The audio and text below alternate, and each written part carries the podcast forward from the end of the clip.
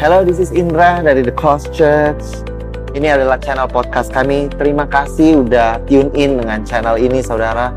Kami berharap bahwa setiap message kami dapat membukakan lebih siapa Tuhan, saudara, dan Injil kasih karunia dan apa yang Yesus sudah lakukan di kayu salib kiranya membebaskan kehidupan saudara. Di dalam nama Yesus. Enjoy the message. God bless you.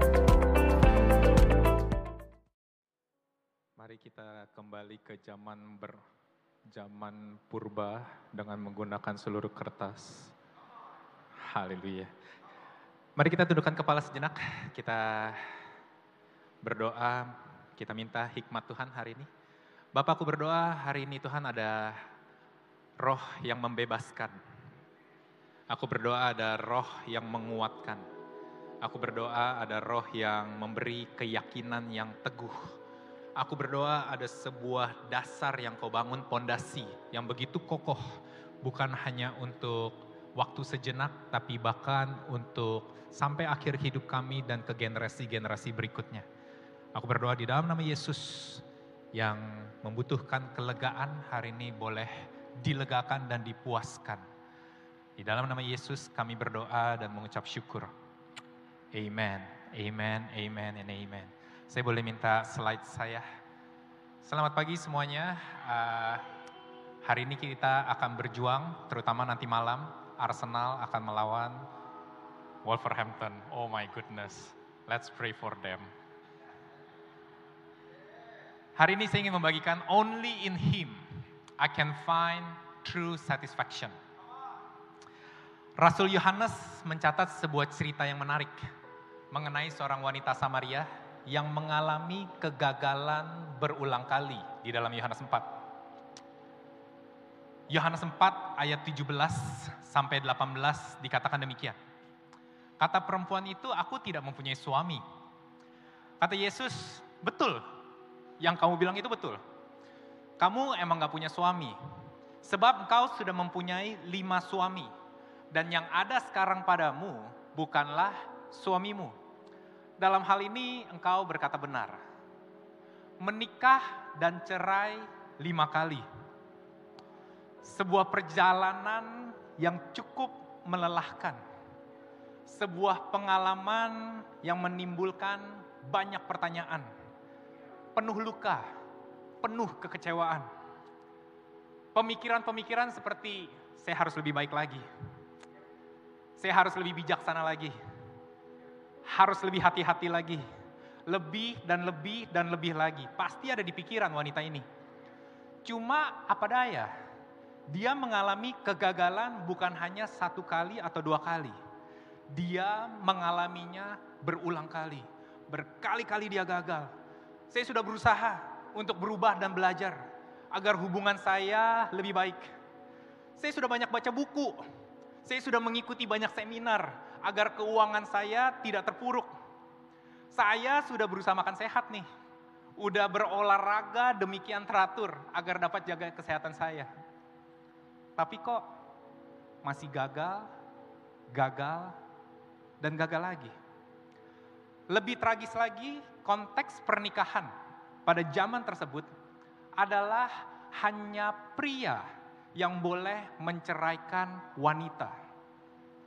Ketika pria merasa wanita ini tidak dibutuhkan lagi, tidak ada nilai atau tidak ada manfaatnya bagi dia, maka pria tersebut berhak untuk menceraikan wanita tersebut. Rasa malu mulai menghantui, kecewa sudah pasti, tapi yang paling melukai adalah perasaan bahwa jangan-jangan saya ini memang tidak mampu. Jangan-jangan saya ini memang bodoh. Kalau satu kali saya bisa maklum. Tapi kalau udah dua kali, tiga kali, sampai kelima kali.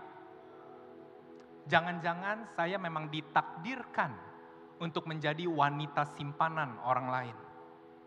Jangan-jangan saya memang dilahirkan untuk diinjak-injak di dalam kehidupan saya. Jangan-jangan memang garis hidup saya untuk gagal.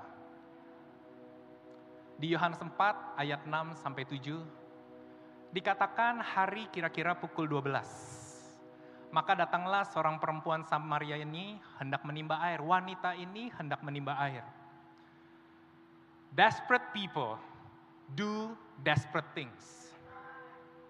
Desperate people just do desperate things.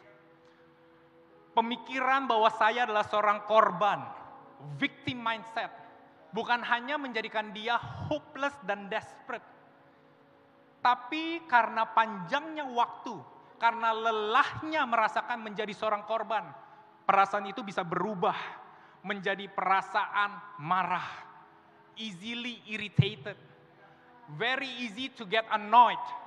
Bahkan I'm not happy with other people's punya sukses. I'm just not happy. Resentful, I hate it so much. Karena setiap keberhasilan orang lain mengingatkan dia seberapa terpuruknya kegagalan yang dihadapi. Wanita ini nggak bukannya tidak mengerti bahwa siang hari itu sangat panas jam 12 siang dan bukanlah waktu yang nyaman untuk pergi mengambil air. Berjalan begitu jauh, mengangkut pulang air tersebut di bawah terik matahari yang menyengat, siapa yang mau? Siapa yang mau? Dia lakukan ini bukan karena dia mau. Dia lakukan ini karena dia merasa dia tidak mempunyai pilihan lain. There is no other choice. This is the only options that I have. Endless party, alkohol, merokok, bahkan extreme cases, one night stand, drugs. Siapa yang mau? Ini bukan keinginan saya tapi saya nggak punya pilihan lain. Kalau saya harus melewati hari ini, kalau saya ingin bertahan hidup, this is the only options that I have. I don't have other options.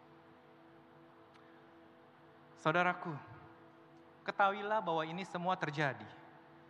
Karena untuk menghancurkan sebuah nilai dan panggilan besar yang Tuhan telah berikan kepada wanita tersebut, si iblis starts early.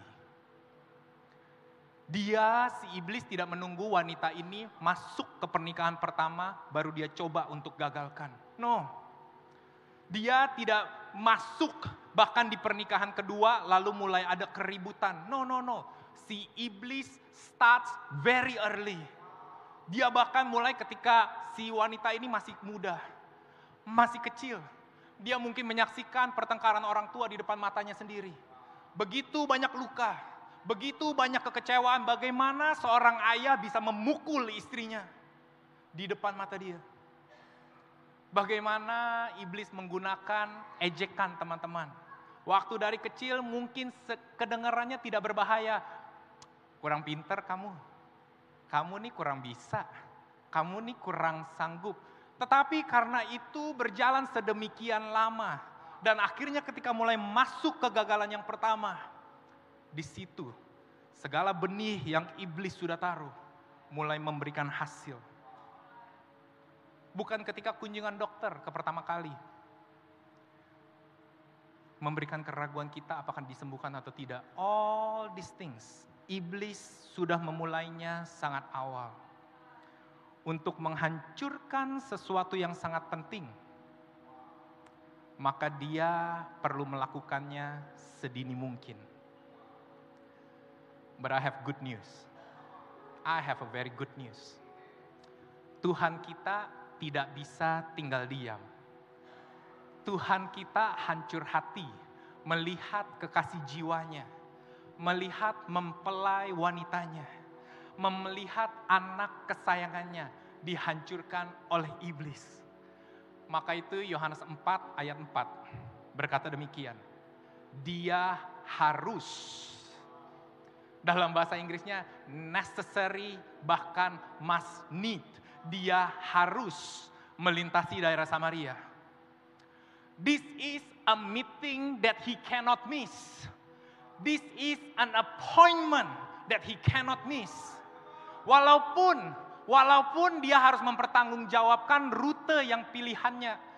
Kita harus mengetahui bahwa orang Yahudi di dalam kebiasaan mereka tidak pernah melintasi dari Yudea bagian bawah ke Galilea bagian atas melewati Samaria yang jalannya lurus. No, mereka selalu memilih untuk memutar jalannya. Walaupun dua kali lebih jauh, walaupun memerlukan waktu yang lebih lama, orang Yahudi begitu benci dengan orang Samaria. Ada sebuah permusuhan yang turun-temurun.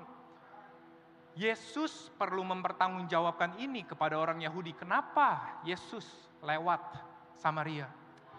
Bahkan ketika wanita berbicara dengan seorang pria, di zaman konteks orang Yahudi zaman dahulu, pria tidak boleh sama sekali berbicara dengan wanita di depan umum. Wanita adalah sosok yang rendah di dalam kodrat masyarakat pada zaman tersebut Terlebih lagi, ini bukan hanya seorang wanita, ini adalah wanita yang gagal pernikahannya. Yesus, engkau rabi. Mengapa engkau melakukan hal-hal yang di luar konteks kebudayaan kami? He broke the nationality barriers. He broke the orthodox Jewish custom. He broke them not in theory, but in action. But then, what else is new with our Jesus? Bahkan dia mengirimkan murid-muridnya di ayat 8 untuk pergi membeli makanan. Karena this is not a job for his disciples. Apa yang dialami wanita ini terlalu sensitif. Apa yang dialami wanita ini terlalu personal Pekerjaan ini bukanlah untuk seorang pastor. Pekerjaan ini bukanlah untuk seorang counselor. Pekerjaan ini bukanlah untuk seorang psikologis even. This is the job that only he can help. Oleh karena itu, ini adalah sebuah pertemuan yang dia tidak akan keberatan untuk menunggu walaupun wanita itu terlambat. Bahkan lebih parah lagi, wanita ini tidak tahu sama sekali kalau dia ada sebuah appointment with Jesus. And Jesus was waiting for him, waiting for her. Wanita ini berpikir ini hanya sebuah kebetulan, ada seorang Yahudi menunggu dia. But this is not a coincidence. This is a set up by Jesus. Ini adalah sebuah rancangan Yesus. He was there for a purpose. Anda berpikir Anda datang ke gereja pagi ini, itu hanya sebuah kebetulan. No, this was his setup. Anda berpikir ada seseorang yang membantu dalam kehidupan saudara, meminjamkan uang atau memberikan pertolongan. You thought it was a coincidence. No, it was a setup. Anda berpikir tawaran pekerjaan yang Anda dapatkan itu hanya sebuah kebetulan, sebuah hoki, but no, it was his idea and his plans. Ada satu iblis mati, Jesus name. Walaupun wanita itu tidak tahu bahwa Yesus sedang menunggu, Yesus tidak akan meninggalkan wanita tersebut. Yesus akan tetap menunggu seperti seorang mempelai pria menantikan mempelai wanita. Kalau saja kita bisa menggeserkan cara pandang kita dan mulai menghargai apa yang dia telah lakukan untuk kita. This is our Jesus. Yesus yang penuh kasih. Yesus yang begitu menghargai satu kehidupan He will do anything to save a life. Bahkan dia siap dan rela untuk memberikan hidupnya. That's what happened 2000 years ago. Ketika dia yang tidak pernah mengenal dosa, dia harus mati di atas kayu salib, menanggung seluruh dosa kita, agar kita bisa mendapatkan apa saja yang dia miliki. It was never a coincidence it was necessary. It was necessary. Lalu Yesus duduk di sebelah sumur. Sumber air kehidupan yang tidak akan pernah habis. Sedang duduk di sebelah sumur. Sumber air buatan manusia yang bisa habis. Pencipta sedang duduk di sebelah ciptaannya. Seakan-akan menjawab wanita ini, selama ini engkau berpikir engkau tidak mempunyai pilihan lain, hari ini aku memberikan sebuah pilihan bagimu. Sumur ada batasnya, tapi dia adalah sumber mata air yang tidak ada batasnya. Yesus memberikan dirinya sebagai pilihan untuk jawaban. Karena dia tahu akar permasalahan dari wanita tersebut. Dahaga yang dimiliki oleh wanita ini bukanlah bersifat jasmani. Tapi it, it is much deeper. It is in the spiritual realm. Hal jasmani tidak akan pernah bisa memuaskan kehausan di rohani sama seperti sesama ciptaan, tidak akan dapat memuaskan ciptaan yang lain. Hanya seorang pencipta yang dapat memberikan tujuan dan makna ke dalam kehidupan ciptaannya. Maka itu Yesus pun mulai bekerja. Ketika dia mengungkit tentang pengalaman pahit wanita tersebut, hal ini dilakukan bukan untuk membuat wanita ini malu. Tapi dia ingin mau dia ingin memberitahukan dan memastikan kepada wanita ini, saya tahu bagaimana menjawabnya. Saya tahu bagaimana menyelesaikannya. Saya tahu bagaimana untuk menolongmu. For a problem to be solved, one first needs to know the root of the problem. Wanita Samaria ini nggak tahu apa akarnya. Soalnya kalau dia tahu, maka dia tidak akan mengalami kegagalan yang berulang kali. She has no clue, but Jesus knows dan dia mau menolong kita. Ini yang dikatakan di Yohanes 4 ayat 13 sampai 14. Yesus berkata kepadanya, barang siapa minum air ini, ia akan haus lagi. Air ini the thirst might be in the form of engkau haus akan pengakuan. Haus akan kasih sayang. Haus akan kepuasan.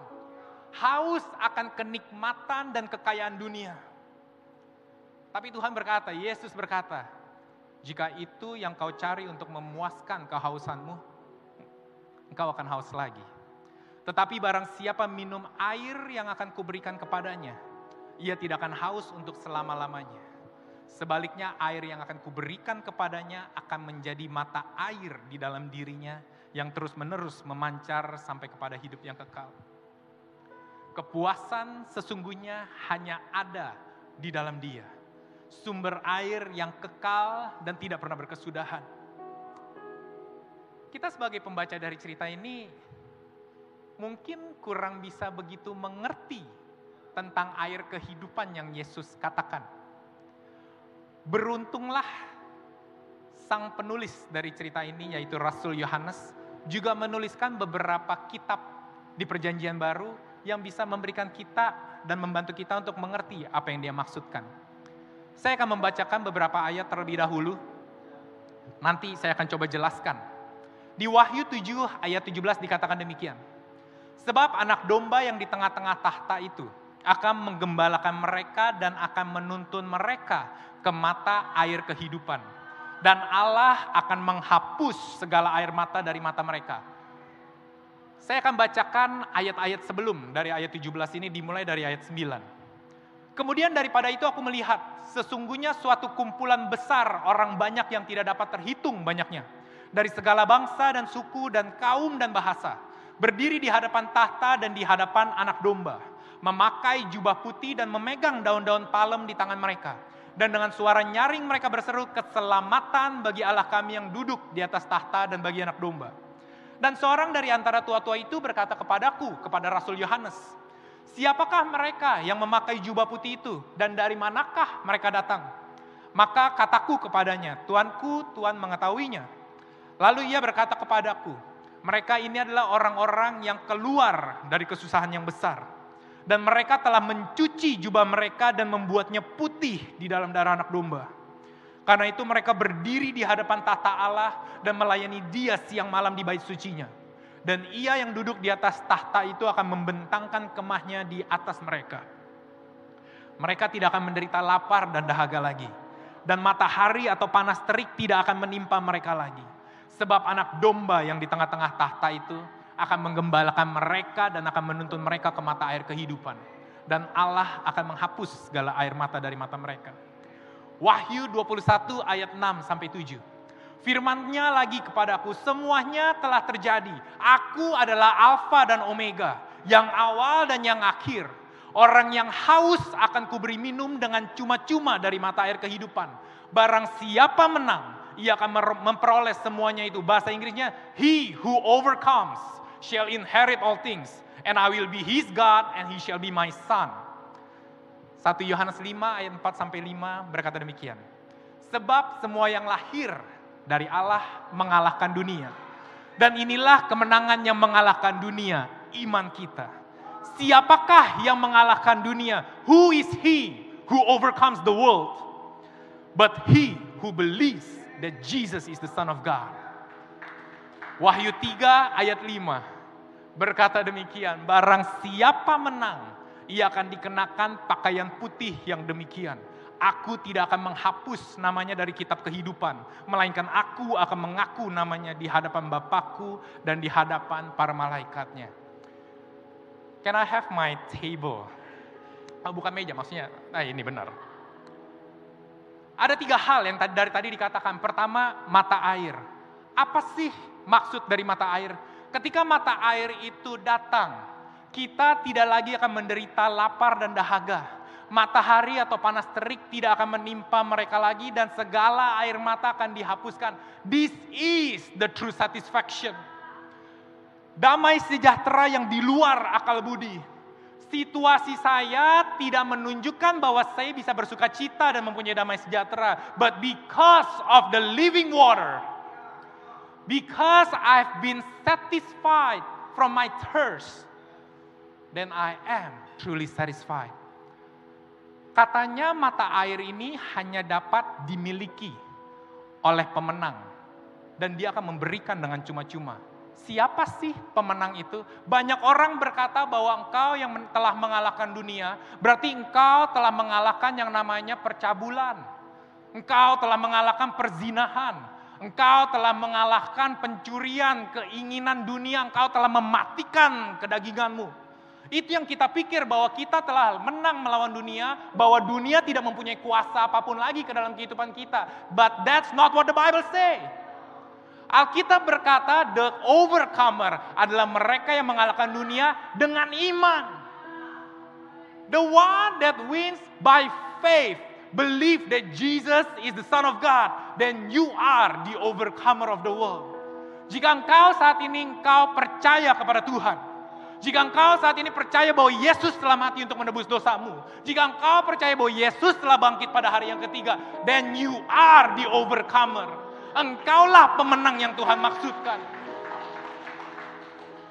Karena jika engkau adalah pemenang, maka ini janjinya dalam kehidupan kita. Dia berkata, aku akan menjadi Allahnya dan ia akan menjadi anakku. Jika Allah ada di pihak kita, siapa yang bisa melawan kita? Aku akan menjadikan dia ahli waris dan aku akan memberikan jubah putih apa sih keuntungannya jubah putih? Jubah putih itu melambangkan kekudusan selama-lamanya, saudara-saudara. Maka itu dikatakan tidak akan dihapus namanya dari kitab kehidupan. Selama ini kita pikir kalau saya masih berdosa, saya akan dicoret namanya dari kitab kehidupan masih ada kemungkinan saya bisa hilang keselamatan saya. Tapi Tuhan berkata, jika engkau percaya, maka inilah janjiku. Engkau akan kuberikan jubah putih. Dan jubah putih itulah yang akan menjadi saksi bahwa namamu tidak akan dihapus dari kitab kehidupan. Bahwa engkau akan diakui anak. Diakui oleh Yesus di hadapan Bapa bahwa you are mine. You are legal. Dan inilah sukacita kita Kita selalu berpikir surga itu sempit, tempatnya terbatas. Seperti Ignite Conference, terbatas. Kita berpikir surga itu hanya untuk kaum elit, orang-orang yang benar-benar kudusnya kita ngelihat dari jauh aja terang, silo, deket-deket kebakar. But this is the good news. Suatu kumpulan besar orang banyak yang tidak terhitung jumlahnya. Nggak terhitung jumlahnya. Terlalu banyak. Segala bangsa, segala suku, segala kaum, dan segala bahasa. This is our promise. This is our confidence. Anda ingat di adegan Yohanes 8, ada sebuah cerita ketika Yesus sedang mengajar, lalu tiba-tiba orang Farisi membawa seorang perempuan yang baru kedapatan berzina dan mau ditimpuk batu. Mereka mencoba menguji Yesus. Kalau yang kita tahu wanita berzina, kita harus timpuk batu. Kalau kamu Yesus, gimana? Yesus menarik banget. Dia bilang, siapa yang tidak berdosa, siapa yang tidak pernah berdosa, boleh timpuk. Lalu ngapain dia? Dia jongkok, nulis di atas tanah. Pernah tahu ceritanya? Sebuah misteri yang begitu dalam. Tulisan apa yang dia tulis di atas tanah? Tapi kalau kita melihat di Yohanes 7, satu pasal sebelumnya, ternyata Yesus baru saja berbicara di dalam sebuah konteks air kehidupan Now I have a hint. Sekarang saya mempunyai sebuah petunjuk. Apa maksud dari Yesus melakukan hal tersebut? Yeremia 17 ayat 13. Izinkan saya untuk membaca bahasa Inggrisnya karena lebih jelas. Jeremia Jeremiah 17 verse 13. Lord, you are the hope of Israel. All who forsake you will be put to shame. Those who turn away from you will be written in the dust because they have forsaken the Lord, the spring of living water. Ayat ini ternyata ketika apa yang Yesus lakukan. Makanya sebelum dia menulis dia bertanya, siapa yang belum pernah berbuat dosa, silahkan timpuk wanita tersebut. Lalu dia menulis di atas tanah, right on the dust. The rabbis, They got it. Karena Jesus was telling he was the living water. They got it. Maka itu rabi yang paling tua, yang selalu dianggap yang paling mengerti firman. Dia nangkep, dia bilang benar. Hanya orang yang tidak berdosalah yang mempunyai hak untuk menjatuhkan hukuman kepada orang lain since I was a sinner, orang Farisi tersebut. I am still a sinner. Orang Farisi yang paling tua berjalan terlebih dahulu dan lain-lainnya mengikuti dia. Ini adalah sebuah kabar yang terlalu baik. Terlalu bagus. It's too hard to believe. Emang ada ya Yesus, ada ya Tuhan, juru selamat yang begitu baik pertanyaan itu bukan hanya kita yang menanyakan. Dua kali wanita Samaria ini meragukan Yesus. Yang pertama itu dilihat di Yohanes 4 ayat 11 sampai 12. Kata perempuan itu kepadanya, Tuhan, engkau ini nggak punya timba dan sumur ini amat dalam. Dari mana engkau memperoleh air hidup itu? What are you talking about God? You don't even have a tool untuk memberikan saya minum, untuk mengambil, bahkan untuk memberi minum kepada dirimu sendiri. Engkau baru saja minta minum kepada saya, and now you're telling me that you wanna give me water? It doesn't make sense. Yesus, kalau emang kau segitu kuat, kenapa nggak bebasin diri di atas kayu salib? Kenapa engkau nggak turun Kenapa engkau membiarkan seluruh orang untuk menghina engkau dan menyakiti engkau? If you are that powerful, then why? Doesn't make sense. You are not relevant, Jesus. I don't think you are able, God. Keuangan saya terlalu dalam, terlalu sulit. Urusan pernikahan saya ini terlalu kompleks. Luka yang saya miliki ini terlalu sakit. I don't think you know. I don't think you have a clue. I don't think you are the answer.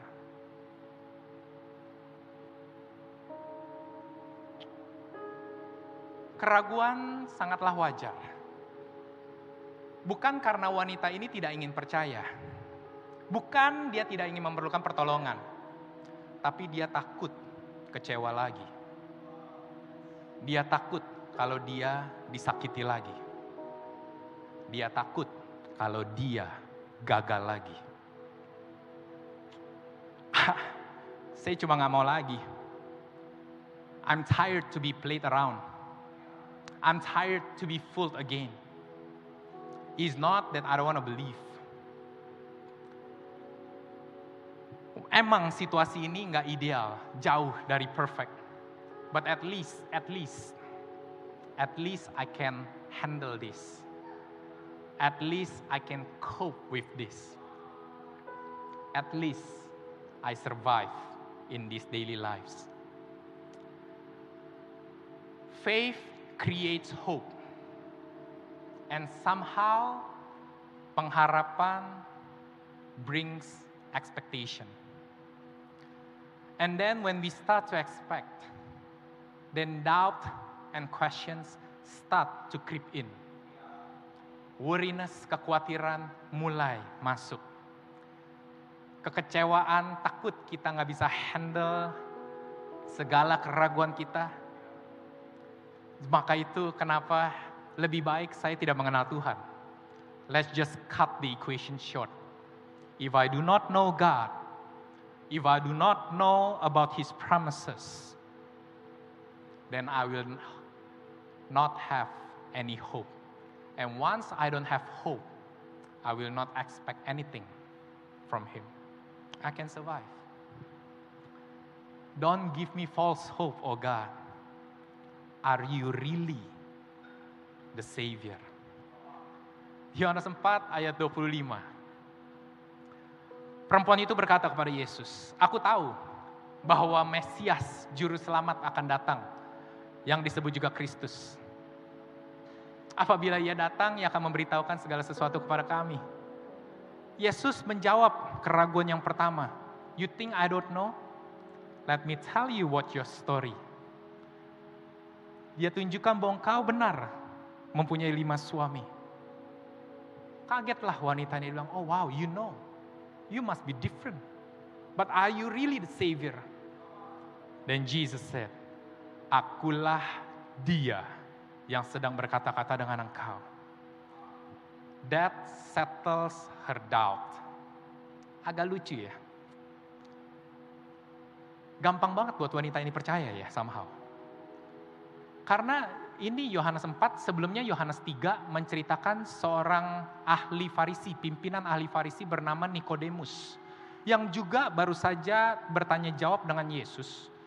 Tapi responsnya berbeda. Wanita ini nggak sampai seharian, nggak sampai satu pasal, langsung percaya. Tapi Nikodemus dari pasal 3 memerlukan beberapa pasal sampai ke Yohanes 8 baru dia percaya bahwa Yesus itu juru selamat. You know this. Trust does not have any relation at all with your intelligence level. Trust nggak ada hubungannya sama sekali dengan your experience. There's no such thing. Trust nggak ada hubungan sama sekali dengan the evidence yang harus dibuktikan. Trust is personal. Do you want to believe or not? Hands down. Seperti kita ilustrasinya kalau mau banji jumping. Pernah banji jumping? Saya penakut mau banji jumping. Pilihannya cuma dua. Yang pertama saya mencoba merasionalisasikan seluruh pengalaman banji jumping. Jadi sebelum naik, dengan segala kemampuan fisika saya, saya mulai nanya, panjang talinya berapa? Ketinggiannya nih berapa nih? Berat badan, berat badan saya dengan kekuatan tali ini mampu gak menahan tali saya? Dengan ilmu fisika yang saya pelajari, saya tahu jatuhnya berarti dengan elastisitas dari tali tersebut bisa segini. Berarti rambut saya pas kena air. Cuk. Dan saya naik lagi. Tapi saya bisa bertanya, bertanya, dan bertanya. Belum tentu pada akhirnya saya loncat dari banji jumping. Ada orang-orang yang gak bertanya, aman, aman, Cuh, aman. Naik cong, aman. Baru satu, kurang yakin. Datang berikutnya yang lebih gede. Cuh, aman cong. Berapa banyak bukti sih yang kita perlukan untuk bilang sudah cukup dan saya mau percaya. Today there is the question for every one of us. How much evidence, how much proof does God need to show you till you want to believe that he is the son of God? Wanita ini percaya. Lalu dia kembali ke kotanya, di ayat 39 dikatakan demikian. Banyak orang Samaria dari kota itu telah menjadi percaya kepada Yesus. Karena perkataan perempuan itu. Perempuan itu bilang begini, dia bersaksi. Ia mengatakan kepadaku segala sesuatu yang telah kuperbuat. Aneh banget. Beneran aneh banget. Wanita ini tahu kejadian apa pun yang dialami seluruh hidupnya, but it does not change anything. Orang di kota-kota tersebut, terutama pria-pria, pasti tahu ada wanita yang begitu populer. But then their lives were never change. Tapi wanita ini bilang, dia mengatakan kepadaku segala sesuatu yang telah kuperbuat dan semuanya menjadi percaya kepada Yesus. There is one thing yang Tuhan tunjukkan. Karena waktu wanita ini bertemu dengan Yesus, there is one thing that is different. There is forgiveness of sin. Jesus didn't condemn her. That was different. Yesus tidak sedang membuat wanita ini malu. Is very different because I want to tell you, tidak ada kesalahan, no sin is too great that he cannot forgive. Tidak ada kesalahan terlalu besar. Kesalahan apakah yang bisa membuat dia menjadi kaget dan terkejut? Oh my goodness, I have never seen such sin. This one I don't know how to forgive. There is no sin too great that he cannot forgive. Maybe we undervalue the depth of what it means that our sins are forgiven. Mungkin kita tidak terlalu mengerti dan menangkap apa sih sebenarnya pengampunan dosa itu dan bagaimana itu mengefek ke dalam seluruh kehidupan kita. What if I tell you now that every consequences, that every mistakes, yes, every action has consequences, betul, but is not entirely true. What if I tell you that? Benar ketika engkau melakukan sebuah kesalahan ada konsekuensi yang mengikuti. Benar. But what if I tell you it's only temporal and it's not everlasting? Benar ketika Daud melakukan affair dengan Bathsheba, anaknya harus mati. Benar. Tapi itu tidak menjadikan cap atau label bagi seumur hidup dia. Sejak saat itu Bathsheba tidak bisa punya anak lagi. Karena sebab setelah anak itu meninggal, lahirlah Salomo. Lahirlah anak-anaknya berikutnya. Benar Yakub adalah seorang pendusta. Dia berbohong dan dia menerima konsekuensinya. Dia harus lari dari rumahnya. Dia harus dikejar-kejar dan merasa ketakutan benar. Tapi what if I tell you that does not define his future. His future one day he is called as Israel. The father of a nation. Benar. You were an alcoholic. Benar. Benar, you were an addict. Benar. Benar, you were a broken man, a broken woman. You were raised by sebuah keluarga yang yang yang retak. Benar. Benar ada konsekuensinya. But it is only a period of time. Once you meet Christ, the past will not define your future. Engkau masih dapat bermimpi untuk mempunyai keluarga yang bahagia. Engkau masih dapat bermimpi untuk mempunyai keuangan yang cukup untuk membayar perjalanan orang tuamu. Engkau masih dapat bermimpi untuk melihat bagaimana engkau dapat beraktivitas kembali dari kesakitan yang begitu lama. Let me present you the life of the Samaritan woman whose name is Potini. Wanita Samaria ini mempunyai nama, saudara-saudara. Namanya Potini. Masa lalunya, she avoids people. She avoids people. Tapi her future, dia pergi mencari orang-orang. Dia berlari ke kotanya. Dia menceritakan tentang Yesus. Benar, she was embarrassed with her life story. Benar, dia nggak pingin, makanya dia keluar jam 12 siang. Agar orang-orang nggak ketemu dia. Agar dia tidak perlu ditanya-tanya. Benar, she was embarrassed with her life story. But in the future, she was using her life story as the testimony. Dia tidak lagi malu menceritakan apa yang terjadi. Benar, she was the woman that was despised, dianggap rendah, dianggap hina. But then that woman saved her city. Dan bahkan, dan bahkan, kalau engkau pelajar sejarahnya, dia pergi sampai ke Afrika memberitakan Injil. And you know what? Ada seorang kaisar bernama Kaisar Nero yang begitu benci akan kekristenan. Kaisar Nero ini pas sore-sore untuk menerangi jalan di perkotaan itu, tahu apa yang dia pakai? Dia bakar orang-orang Kristen sebagai obor. Kaisar Nero mendengar tentang Potini dan dia cari, minta ditangkap. You know what Potini did? dia kembali dari Afrika, dia yang mencari Kaisar Nero. Dia bilang, I have a good news for you. I bring you good news. This was the woman that was despised. She was looking for satisfaction in the future. She is looking to satisfy people. How good is that? Yang berubah cuma satu. Perjumpaan dia dengan Yesus She was redeemed from her past. And then she was justified for her future. Inilah pengampunan dosa, saudara-saudara. Segala masa lalumu ditebus, diampuni. Tidak ada satu kesalahan pun yang tidak bisa diampuni oleh Tuhan.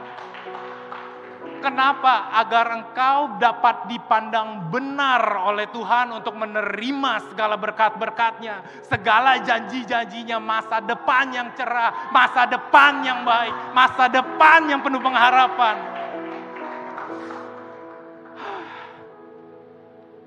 Engkau mungkin tidak menjadi seorang pengkhotbah. Engkau mungkin bukan menjadi seorang penginjil. Tapi engkau mungkin menjadi seorang ayah terbaik untuk keluargamu istri terbaik untuk keluargamu, anak terbaik untuk orang tuamu. It doesn't matter. Karena only, only in His presence I can find true satisfaction. The world cannot define. Dunia tidak mempunyai jawaban untuk memuaskan dahaga kita. Hanya pencipta kita yang tahu bagaimana caranya memuaskan kita.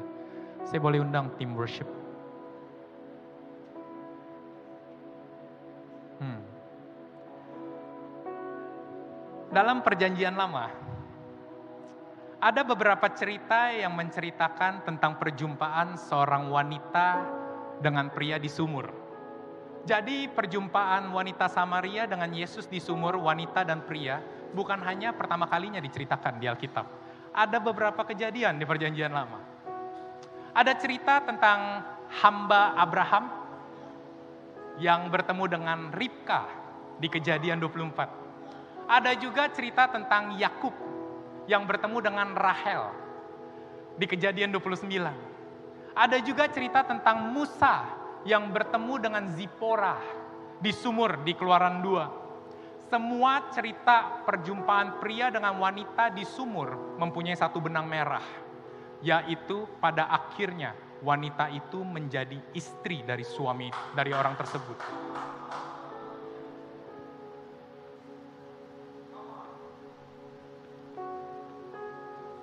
This is your well.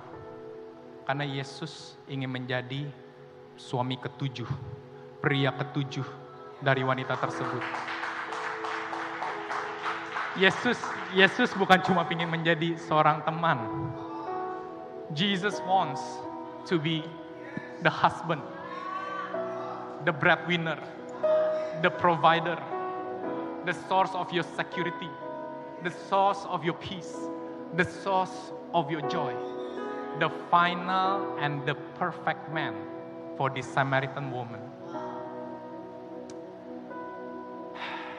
Yesaya 58 ayat 11. I will close with this verse. Yesaya 58 ayat 11. Tuhan akan menuntun engkau senantiasa dan akan memuaskan hatimu di tanah yang kering.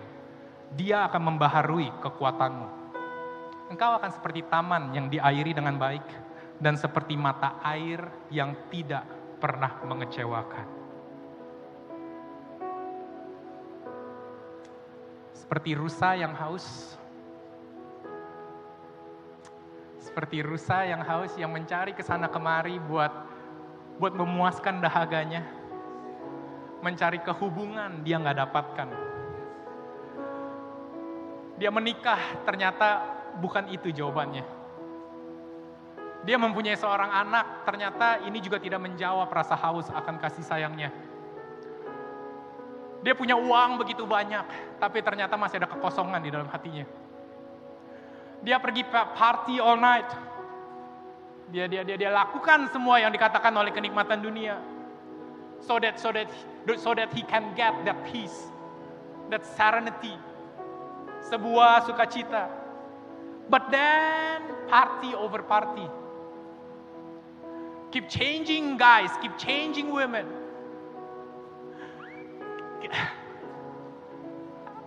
I want more. Masih haus. Masih kering. Makanya itu dikatakan seperti rusa yang haus rindu aliran sungaimu. Karena cuma engkau Tuhan yang dapat memuaskan. Hatiku tak tahan menunggumu Tuhan. I will do whatever it takes. I will do whatever it takes to be in your presence. And this is the best. It's not even you who start the meeting. It was Jesus who initiate everything. Dia yang memulai segalanya. Keep coming if you're thirsty, he says. Keep coming if you're hungry, he says. And he will satisfy you. Maka itu kita tidak pernah menghindari the meetings of believers. Maka itu kita tidak pernah menghindari setiap momen agar kita bisa bertemu dengan Yesus. Karena saya tahu begitu saya bertemu dengan dia, maka saya akan dipuaskan. Jesus mighty name.